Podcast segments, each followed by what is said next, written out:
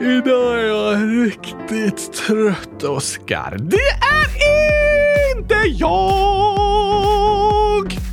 Nej, det var ju kul att höra. Det är tokigt att jag kan vara pigg när du är trött, Gabriel. Det är faktiskt ganska tokigt. All min energi kanske går till att eh, vara din röst. Ja, ja, ja, ja, tack! Men varför är du trött egentligen? Ja, jag vet inte. Har väl haft mycket att göra och så. Fast man blir ju pigg av att göra saker och trött av att bara sitta still. Ja, jo, ibland kan det vara så att man blir ännu mer trött av att bara sitta i soffan hela dagen, men man pignar till om man till exempel går ut och rör på sig. Ja, jag kanske borde ta en lång promenad efter vi spelat in idag så att kroppen vaknar till. Eller så äter du hundratusen liter gurkaglass. Det piggar alltid upp. Alltså, om jag hade ätit hundratusen liter gurkaglass, då hade jag inte känt mig pigg, Oscar. Jo, fylld med energi! Nej, jag hade känt mig helt däckad av det. Hur ska jag kunna göra någonting om jag ätit så mycket glass? Jag skulle väga 50 000 kilo. Va? 100 000 kilo menar du? Nej, en liter vatten väger ett kilo, men glass är lättare än vatten och brukar ofta väga ett halvt kilo per liter. Okej, okay. men 50 000 kilo låter inte så farligt. jag kan inte väga 50 000 kilo, Oskar. Att äta 100 000 liter gurkaglass är orimligt för en människa. Ja, ja, kanske på en dag, men under ett helt liv. Eh, ja, kanske det. Hur många liter glass blir det per dag då? Oj du, mm, säg att jag skulle bli 100 år gammal. Då är det 100 gånger 365 dagar, alltså 36 500 dagar plus skottdagar. Ja, precis. 25 dagar till. Bara 25 dagar! Ja, var fjärde år. Fast i år har det varit jättemånga skottdagar. I år? Nej, det var skottår förra året. Det har väl varit fler skottdagar i år än förra året? Det har varit snö jättelänge i hela Sverige! Ja, du tänker så. En skottdag är inte en dag då man skottar snö. Vad kallas det då? Eh, snöskottdag, kanske? Nästan samma. Nästan. En skottdag läggs till vart fjärde år, den 29 februari, för att jorden inte hinner hela vägen runt solen på 365 dagar. Utan det tar ungefär 365 dagar och 6 timmar. Och var fjärde år blir det då alltså 6, 12, 18, 24 timmar. En ny dag. Okej! Okay. Och i år är det inte skottår, men snöskottår. Ja, det kan vi säga. Det har varit lite ovanligt mycket snö i år, vilket är superhärligt. I alla fall, så om jag blir 100 år gammal kommer jag ha levt 36 525 dagar. Hur många liter gurkaglass per dag blir det? Det blir eh, 2,7 liter om dagen. Perfekt, Gabriel! Det kan du i alla fall klara av. Eh, ja, kanske tusen liter gurkaglass är alldeles lagom för en människa under sin livstid. Nästan tre liter glass om dagen, Oskar. Det är inte bra. Det kan man inte leva på. Har du testat? Eh, nej, jag har inte testat. Hur kan du då säga att det inte går? Eh, alltså, det finns ju andra undersökningar om mat och vad som är nyttigt nyttigt och så. Det är viktigt för människor att få i sig vitaminer, mineraler, proteiner, fibrer och så vidare från maten. Och allt vi behöver kan vi inte få i oss från gurkaglass. Dessutom blir det alldeles för mycket socker att äta varje dag. Okej, okej, okej, okej. Om du äter dina nyttiga grönsaker får du i dig såna där vitaminer. Men om du äter gurkaglass får du glada miner. glada miner. Inte att underskatta! Nej, det är sant. Det kan vara bra ibland att äta mat som gör en glad, även om det inte är den nyttigaste. Som en gurkatårta på sin födelsedag! Ja, någon slags tårta i alla fall. Då får man glada miner. En gurkatårta innehåller ju vitaminer också. Bästa maträtten! Den ger dig både vitaminer och glada miner. Det låter verkligen som en bra maträtt. Nyttig och god. Ja, ja, tack! Känner du dig piggare nu, Gabriel? Ja, eh, lite i alla fall. Där ser du! Det räcker att bara tänka på hundratusen liter gurkaglass så vaknar du till. Kanske det. Fast när jag tänker på att äta hundratusen liter gurkaglass eh, blir jag mest spyfärdig. Nej, nej, nej! Den är garanterat chokladfri! Ingen risk att spy! det är inte chokladen som är problemet utan mängden glass. I alla fall, oj. Nu får vi dra igång dagens avsnitt. En gäspning till, Gabriel! Jag tror att jag behöver sätta på min upptaggningssång inför 2021 så att tröttheten jagas undan. Och ja, det kan nog hjälpa faktiskt. Här kommer den!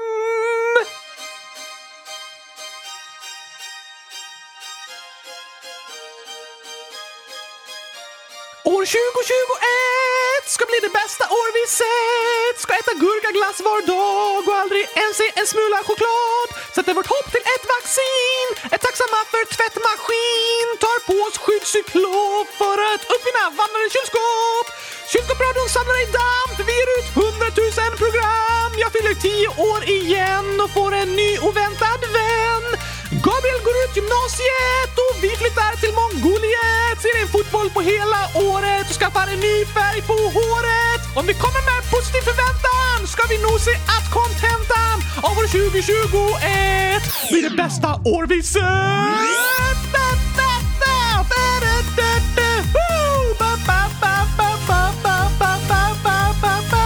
Nu drar vi igång med vår nya gurkasång.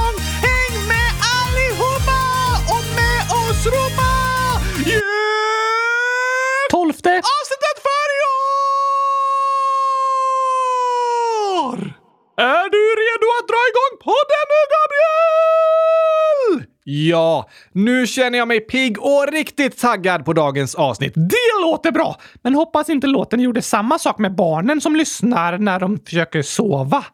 Det är sant. Det kanske är några som håller på att försöka somna. Jag behövde ju bli piggare, men om man försöker sova är det bra att bli tröttare. Här kommer därför en liten godnattsång också, för att hjälpa till.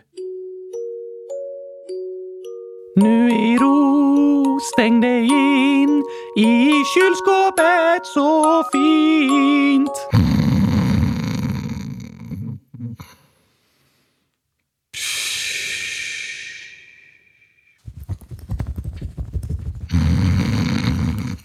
Oj, oj, oj, vad gör du, Oskar? Oh, för, för, förlåt. Du får inte somna när jag sjunger godnattsång, Gabriel! Då har jag ingen röst att sjunga med längre.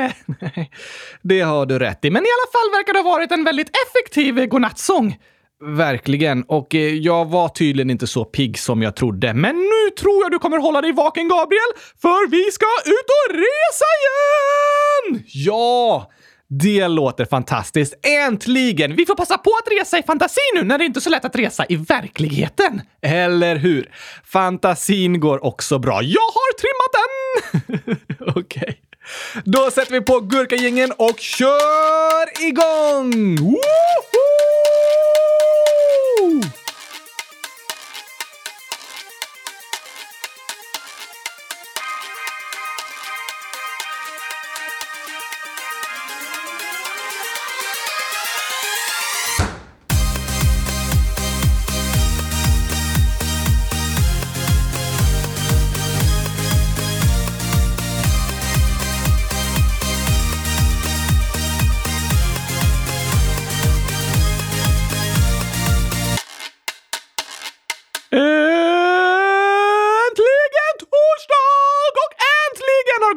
Slutat gäspa. ja, och äntligen avsnitt 100 168 av Kylskåpsradion. Och äntligen ett nytt land! Precis. Har vi fått in några gissningar? Det har vi. Ledtrådarna var ju att vi ska till världsdelen närmast Antarktis. Ja tack! Och det är Antarktis. Nej, va? Antarktis måste väl vara den världsdel som ligger närmast Antarktis? Det ligger ju på Antarktis! Ja, jo, såklart. Men jag menar en annan världsdel. Aha! Och eh, Go Back I Want To Be Monkey, LOL Ålder skriver “Jag tror att nästa land är USA eller Australien. Ni är bäst i test.” Det var en bra gissning! För Australien ligger långt ner på södra halvklotet, nära Antarktis. Det gör det. Men de södra delarna av Sydamerika ligger faktiskt ännu närmare Antarktis. Aha! Så vi ska till Sydamerika? Precis. Och både Anonym 11 år och Benjamin 100 000 i parentes 8 år skriver “Jag tror att ni ska prata om Chile.” Chile? Har vi dagens krydda nu eller? Nej, Oskar. Chile, det är ett väldigt avlångt land i Sydamerika. Aha! Och ni har helt rätt i att Chile är det land som ligger närmast Antarktis. Södra Chile är längst söderut i Sydamerika. Det är bara ungefär 100 mil mellan Chile och Antarktis. 100 mil! Ja, ungefär som eh, fågelvägen mellan Malmö och Umeå. Jag visste inte att Sydamerika låg så nära Antarktis. Där är det ju is! Jag trodde Sydamerika var fullt av eh, stränder och djungler och sånt. Ja, det är ofta det vi tänker på när vi hör om Sydamerika. Men Sydamerika är en väldigt avlång världsdel. Övre delen ligger vid ekvatorn. I avsnittet om Brasilien pratar vi ju om Amazonas och hur varmt det är där året om och i de städerna. Men längst ner i Sydamerika är det helt annorlunda. Där ligger staden Puerto Williams som är hela jordklotets sydligaste stad. Och där är medeltemperaturen bara 10 grader på sommaren och en grad på vintern. Oj då! Men eftersom det ligger på södra halvklotet är deras vinter i juni, juli och augusti. Så det snöar i juli? Det kan det göra där. Vad annorlunda! Verkligen. När vi hör om Sydamerika så är det lätt att tro att hela världsdelen ser ut på samma sätt. Men om du tänker på norra Sverige och södra Spanien så är klimatet väldigt annorlunda på de platserna. Ja, tack! Däremellan är det ungefär 400 mil. Hela Sydamerika däremot är ungefär 700 mil långt. Oj! Så där skiljer det sig ännu mer åt mellan länderna än mellan länderna i Europa? Ja, det kan man säga. Det är lätt för oss som bor i Europa att tänka på hur olika alla länder i Europa är, men sen tänka att alla länder i andra världsdelar är likadana. Just det! Att vi tänker att eh, alla länder i Afrika är på samma sätt. Precis. Eller alla länder i Sydamerika, alla delstater i USA eller att hela Kina ser likadant ut. Det stämmer inte. På samma sätt som det är stor skillnad mellan Frankrike, Rumänien och Sverige så är skillnaden jättestor mellan länder som Sydafrika och Niger, mellan östra och västra Kina eller delstater som Texas och New Jersey. Det är viktigt att tänka på. Vi kan lätt bli fördomsfulla och tänka alla som kommer från den här delen av världen är på ett visst sätt. Men det stämmer inte. Nej. Det stämmer inte. Det är viktigt att vi ser människor för vilka de är och inte dömer dem utifrån var de kommer ifrån. Ja, tack! Men ska vi alltså prata om Chile idag? Nej, inte! Det ligger ju närmast Antarktis. Vi ska prata om ett land i världsdelen som ligger närmast Antarktis, men inte själva landet som ligger närmast, utan vi ska prata om Sydamerikas fjärde folkrikaste land. Vilket är det då? Här har du texten till en sång om landet, Oscar, så får du se. Okej! Okay. Sí, sí, sí. Hola a todos.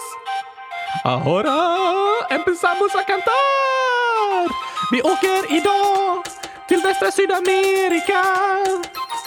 Där finns ett land tre gånger större än Sveriges yta. En flagga röd och vit möter oss när vi kommer dit. Bredvid havet bergen står, i landet som fyller 200 år. Ett land med rik matkultur och spottande alpackadjur. Fotbollsfans som offrar allt och Machu Picchu hyfsat ballt. Jordens högsta sjö med båt, ekonomi som går ur båt. Ja, det hittar vi nu här i landet Peru.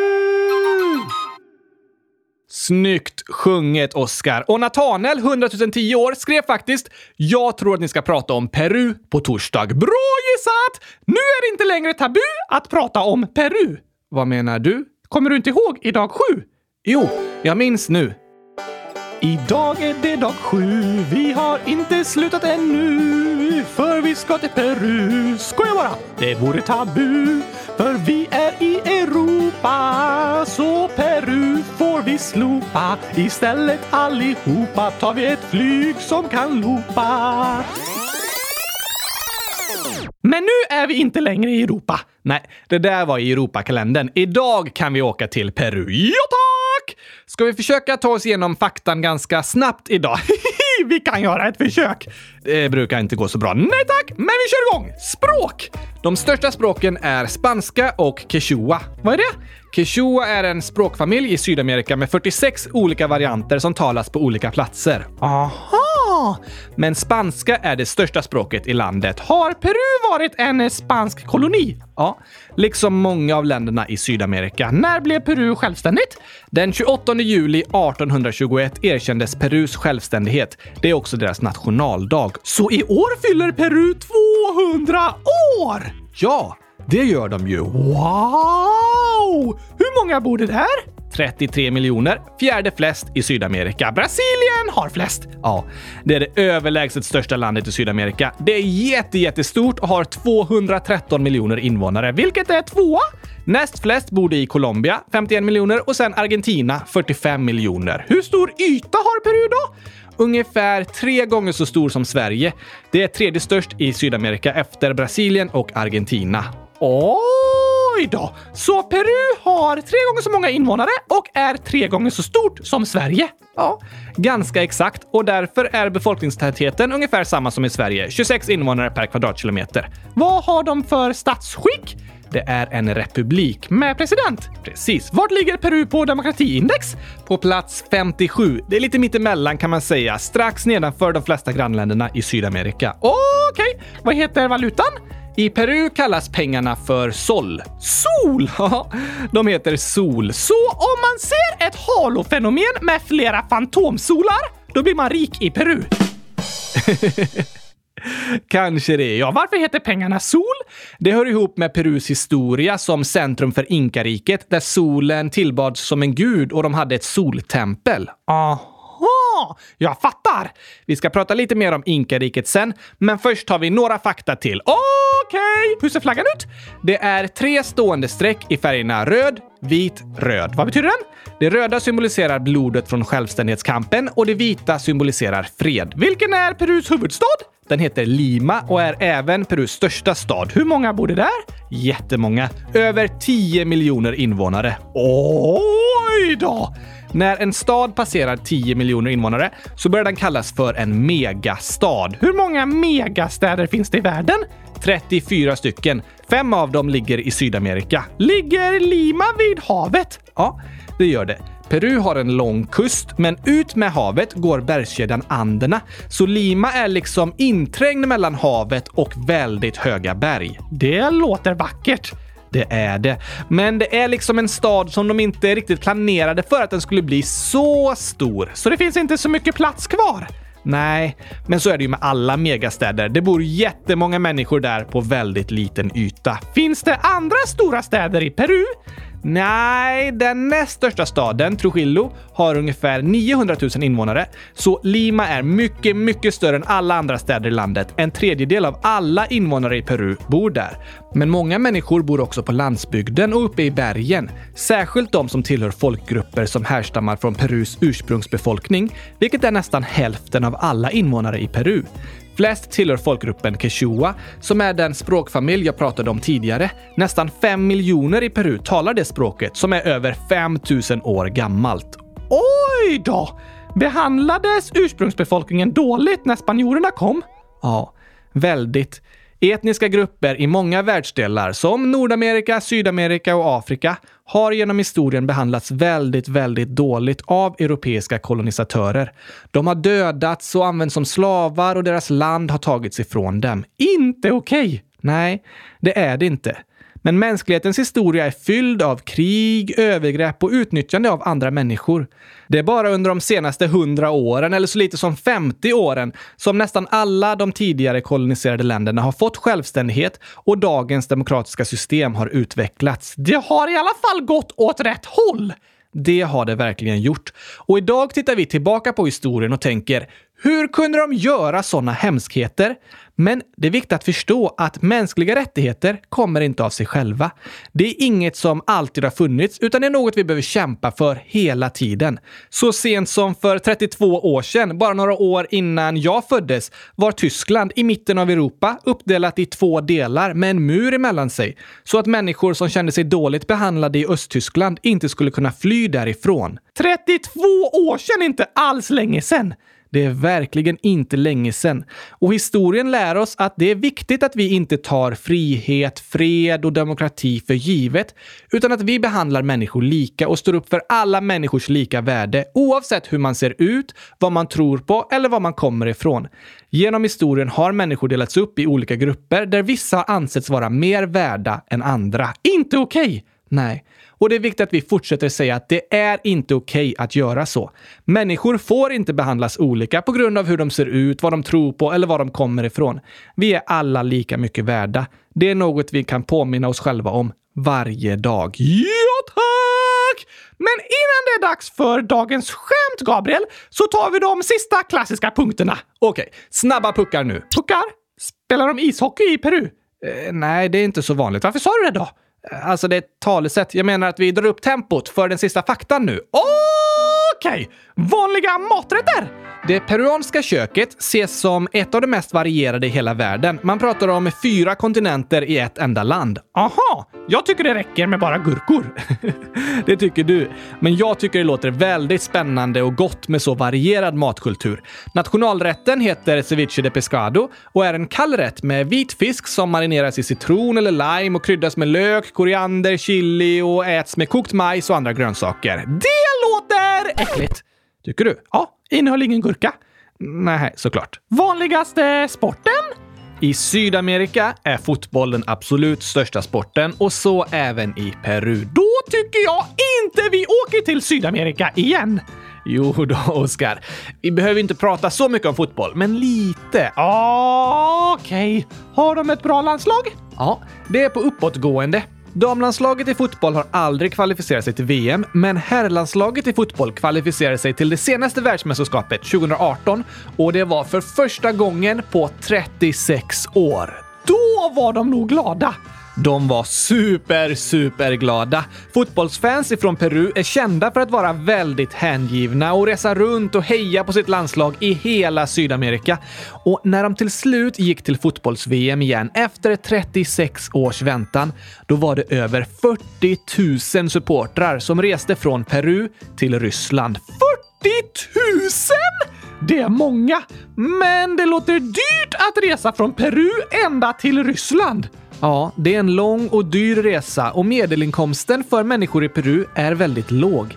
I genomsnitt tjänar människor där ungefär 5 000 kronor i månaden och en flygbiljett till fotbolls-VM kunde kosta över 15 000 och sen var det dyrt med boende och matchbiljetter också.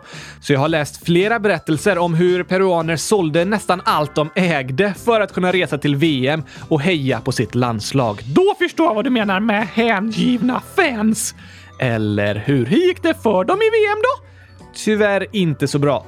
De förlorade första matchen mot Danmark med 1-0 och den andra matchen mot Frankrike också med 1-0. Men de fick en liten revansch när de slog Australien med 2-0 i sista matchen så att de slutade trea i gruppen. Bra jobbat! Tror du de kommer gå till VM nästa gång också? Nej, efter fyra spelade matcher i VM-kvalet har de tre förluster och en lika match, så de ligger näst sist i VM-kvalgruppen. Antagligen får de vänta några år till på att spela fotbolls-VM, men jag håller tummarna för Peru och hejar lite extra på dem framöver. Jag också! En sista fråga innan skämten. Vanligaste namnen?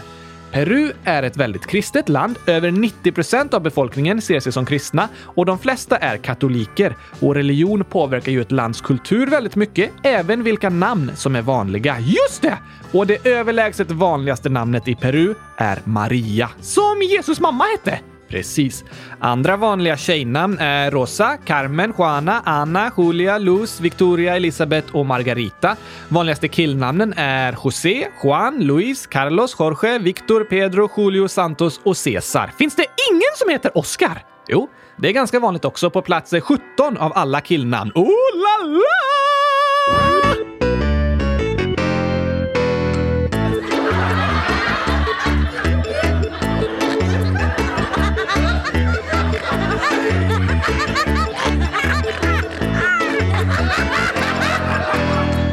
Du, Samuel, 11 år, skriver något bra till dig här som hör ihop med det vi pratade om tidigare. Gurkatårtor?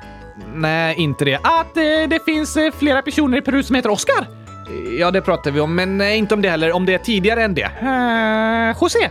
Ja, det var ett namn vi sa tidigare än det. Om fotboll? Åh, nej!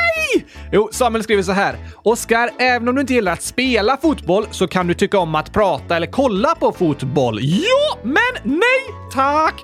Varför är det roligt att titta på 22 personer som springer runt och försöker skjuta in en boll i ett mål? Hur svårt kan det vara? Jag kan skjuta in en boll i ett mål på fem sekunder! ja, om ingen stoppar dig är det ju jättelätt. Men båda lagen försöker stoppa varandra från att göra mål samtidigt som de själva försöker göra mål. Kan de inte hjälpa varandra istället? Så gör de mål fortare! Då blir det ju ingen tävling. Nej, nej, nej. Men de enda mål jag vill kolla på är i alla fall målade kylskåp. Såklart. Men vad var det för skämt egentligen? Eh, just det, Samuel skriver ett skämt också. Så här är det. Det var en blåsig dag när tjuven fångades av polisen. Plötsligt blåste tjuvens hatt av och tjuven sa “Släpp mig så jag kan hämta min hatt”. Men polisen sa “Tror du jag är dum? Vänta här så hämtar jag den”. lika tokigt ju! För då behövde polisen släppa tjuven. Ja, eller hur? Det var lika illa. Samuel skriver också i slutet av inlägget PS. Snälla kan ni ha ett fotbollsavsnitt? Oskar har faktiskt fått ha ett gurkaavsnitt. När jag har fått ha hundratusen gurkaavsnitt, då kan vi ha ett fotbollsavsnitt. Eh, nej, det funkar inte. Det är alldeles för många. Men det börjar vara många som vill ha ett fotbollsavsnitt. Jag tror vi snart borde ha en omröstning. Vi kan ha en omröstning här och nu! Borde vi ha ett fotbollsavsnitt eller inte? Hur ska vi rösta? Genom att räcka upp handen. Alla som röstar emot ett fotbollsavsnitt räcker upp handen nu. Jag, jag röstar inte emot. Nej tack, men jag räcker upp min hand. Hallå, armen. Funkar då! Ah, kom igen! Ah, Gabriel, kan du räcka upp min hand? Eh, Okej, okay, jag lyfter upp din hand här åt dig. Du röstar emot fotbollsavsnitt. Ja tack! Och nu räcker alla upp handen som är för att vi inte ska ha ett fotbollsavsnitt. Jag är för. Då räcker... Vänta lite. För att vi inte ska ha ett fotbollsavsnitt. Ja, röstar du för det? Men vadå? Nu är alternativen att rösta emot ett fotbollsavsnitt eller för att vi inte ska ha ett fotbollsavsnitt. Precis! Vilket röstar du på? Båda innebär ju att det inte kommer bli något fotbollsavsnitt. Såklart! Bästa omröstningen! Nej, det här är ju ett riggat val. Nej tack! Du är fri att rösta på vilket alternativ du vill. Ja, men det är inte samma sak som ett fritt val. Om jag vill måste jag få rösta för ett fotbollsavsnitt. Okej, okej, okej. Du har rätt i det.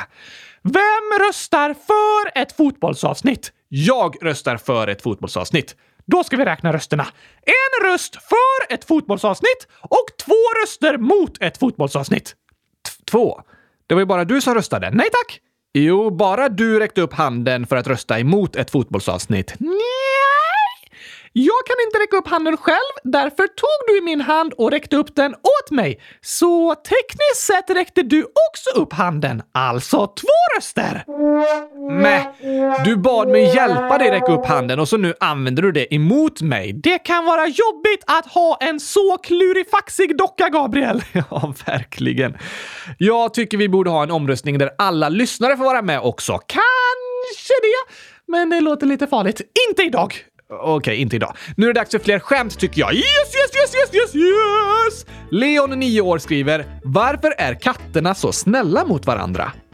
För att de är rädda för gurkor. Är de? Ja, en katt kan bli rädd om man lägger en gurka bakom den.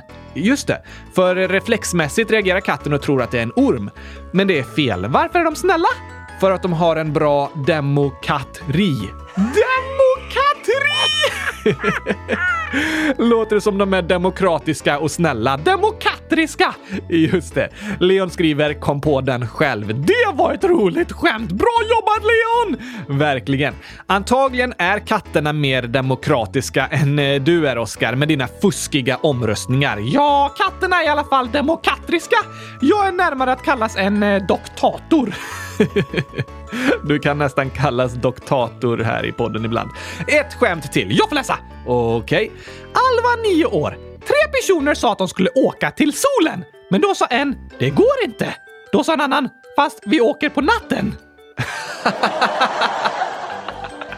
Solen skiner ju även på natten. Ja, fast på andra sidan jordklotet. Precis! Så solen är för varm att åka till även på natten. Och även för katten. Absolut. Men till Peru kan man åka. Där kallas i alla fall pengarna för sol. Just det, det gör de. Har de mycket sol i Peru? Eh, menar du pengar eller solljus liksom? Eh, solpengar. Ja, som jag sa tidigare är medellönen i Peru låg, ungefär en niondel av Sveriges medellön. Oj då! Och särskilt bland ursprungsbefolkningen som bor på landsbygden och i bergen är fattigdomen stor. Ungefär 20 procent av alla peruaner lever i fattigdom. Men Peru är också ett av de länder där fattigdomen minskat snabbast under senare år. Va? Ja, från 59 procent år 2004 till 20 procent år 2018.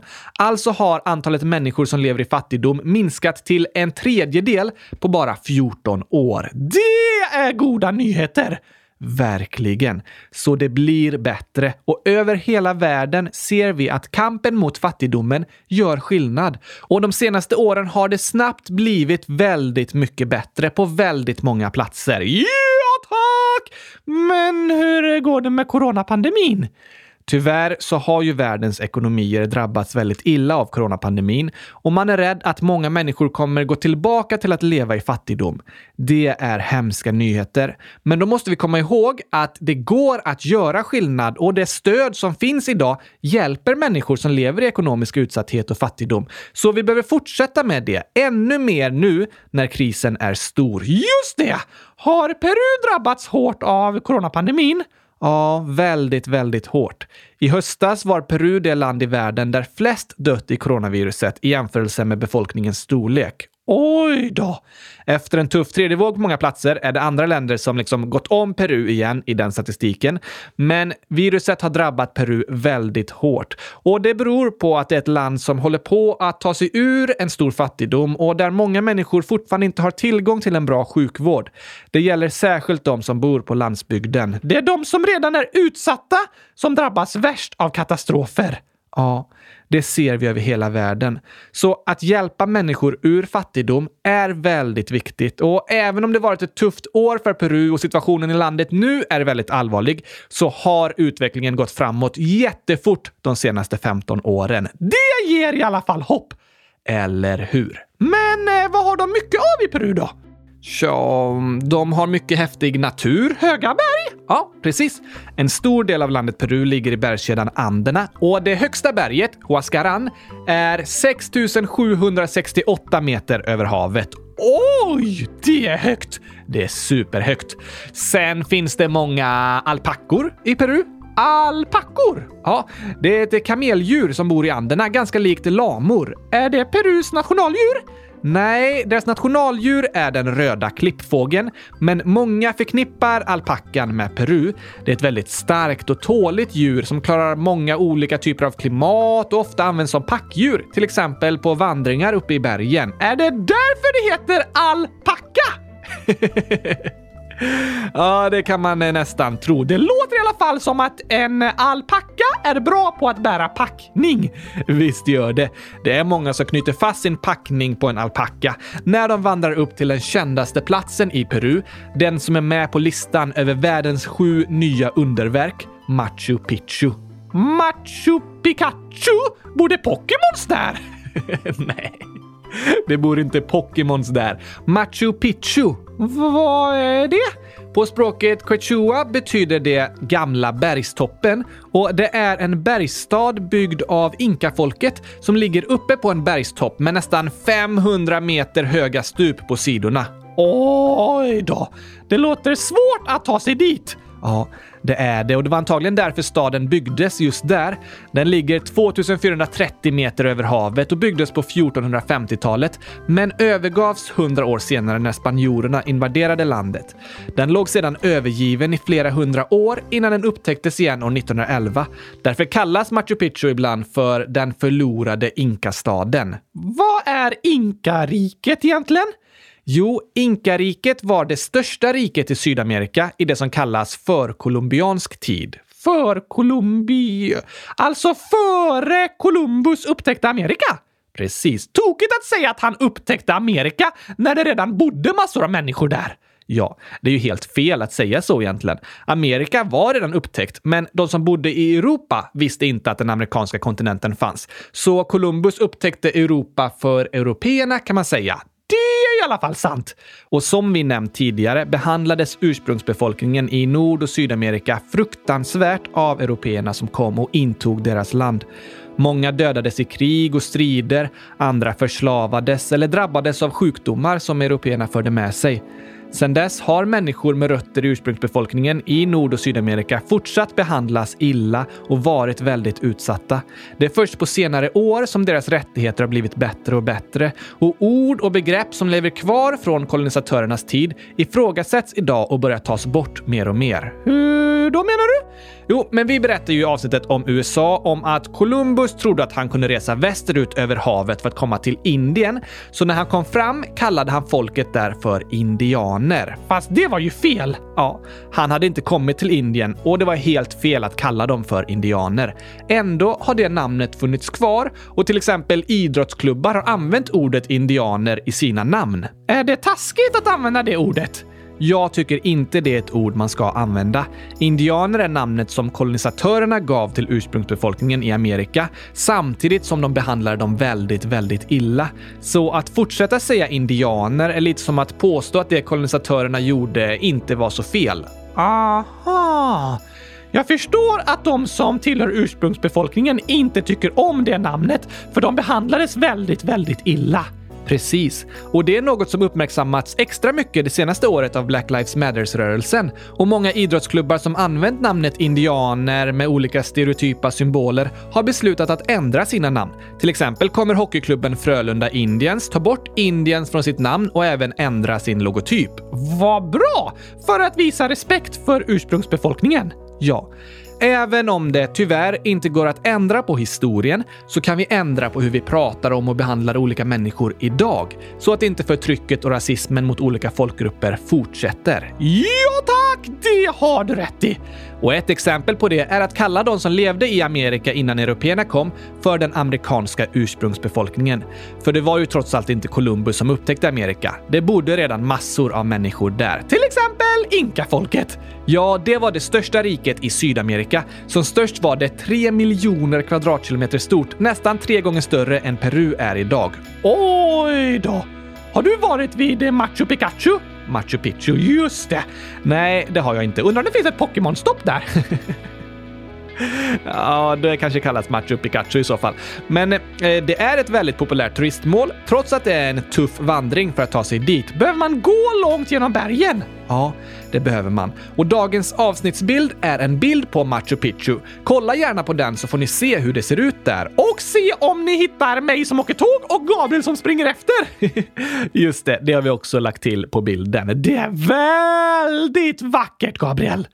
Eller hur? Nästan lika vackert som ett kylskåp. Nästan. Jag tycker det är lite... Ja, nästan. Kylskåp, jag älskar dig. Och mitt kylskåp, jag älskar dig. Kylskåp, jag älskar dig. Mitt kylskåp, jag älskar dig.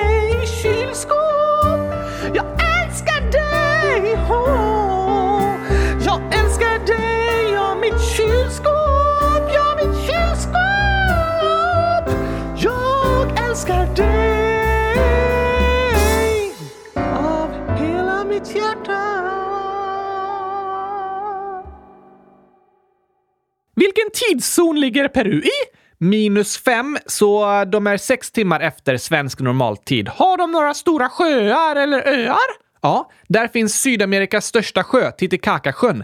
Den ligger uppe i bergen på gränsen till Bolivia på 3812 meters höjd. Va?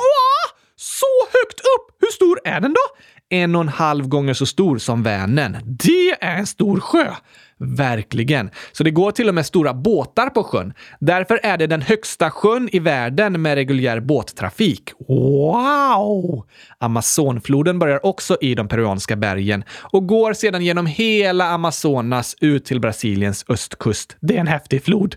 Otroligt häftig. Ni får gärna lyssna på avsnittet om Brasilien igen för att lära er mer om Amazonas. Har de några kända godisar i Peru?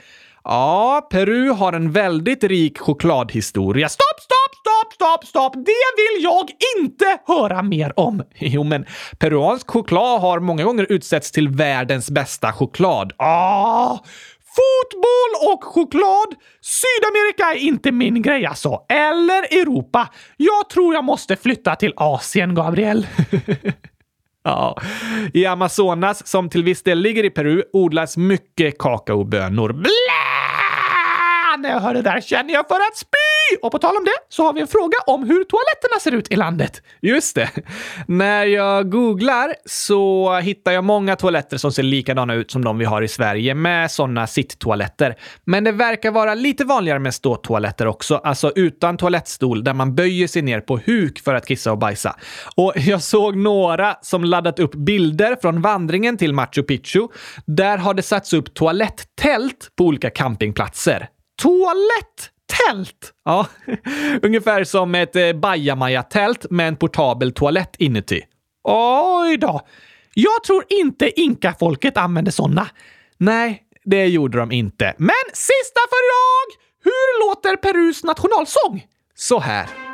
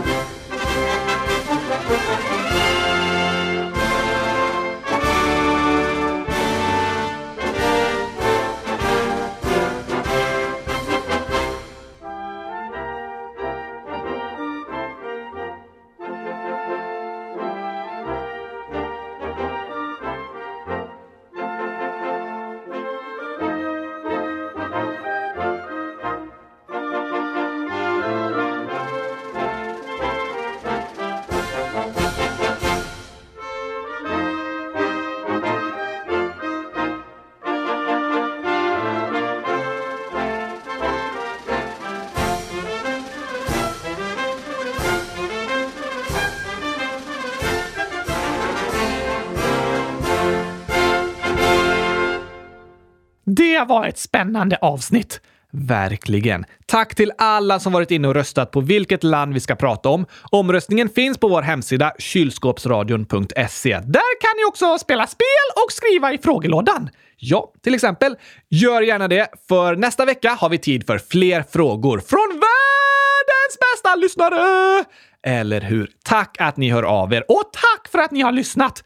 Hoppas ni har lärt er något. Jag har lärt mig att om man äter 2,7 liter gurkaglass om dagen tar det 100 år att äta 100 000 liter gurkaglass. Just det. 2,7 liter om dagen, då äter man 1000 liter om året. Men gör inte det. Jo, gör det! Nej, ni kan äta gurkor varje dag, men inte glass. Okej okay då. Ät gurkor i alla fall! Då får ni både vitaminer och glada miner. Eller hur?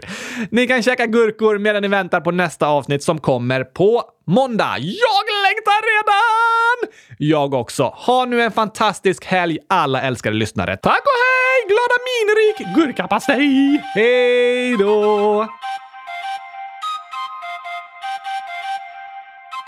Vi åker idag till västra Sydamerika. Där finns ett land tre gånger större än Sveriges yta. En flagga röd och vit möter oss när vi kommer dit. Bredvid havet bergen står, i landet som fyller 200 år. Ett land med rik matkultur och spottande alpackadjur. Fotbollsfans som offrar allt och Machu Picchu hyfsat ballt. Jordens högsta sjö med båt, ekonomi som går ur båt. Ja, det hittar vi nu här i landet Peru.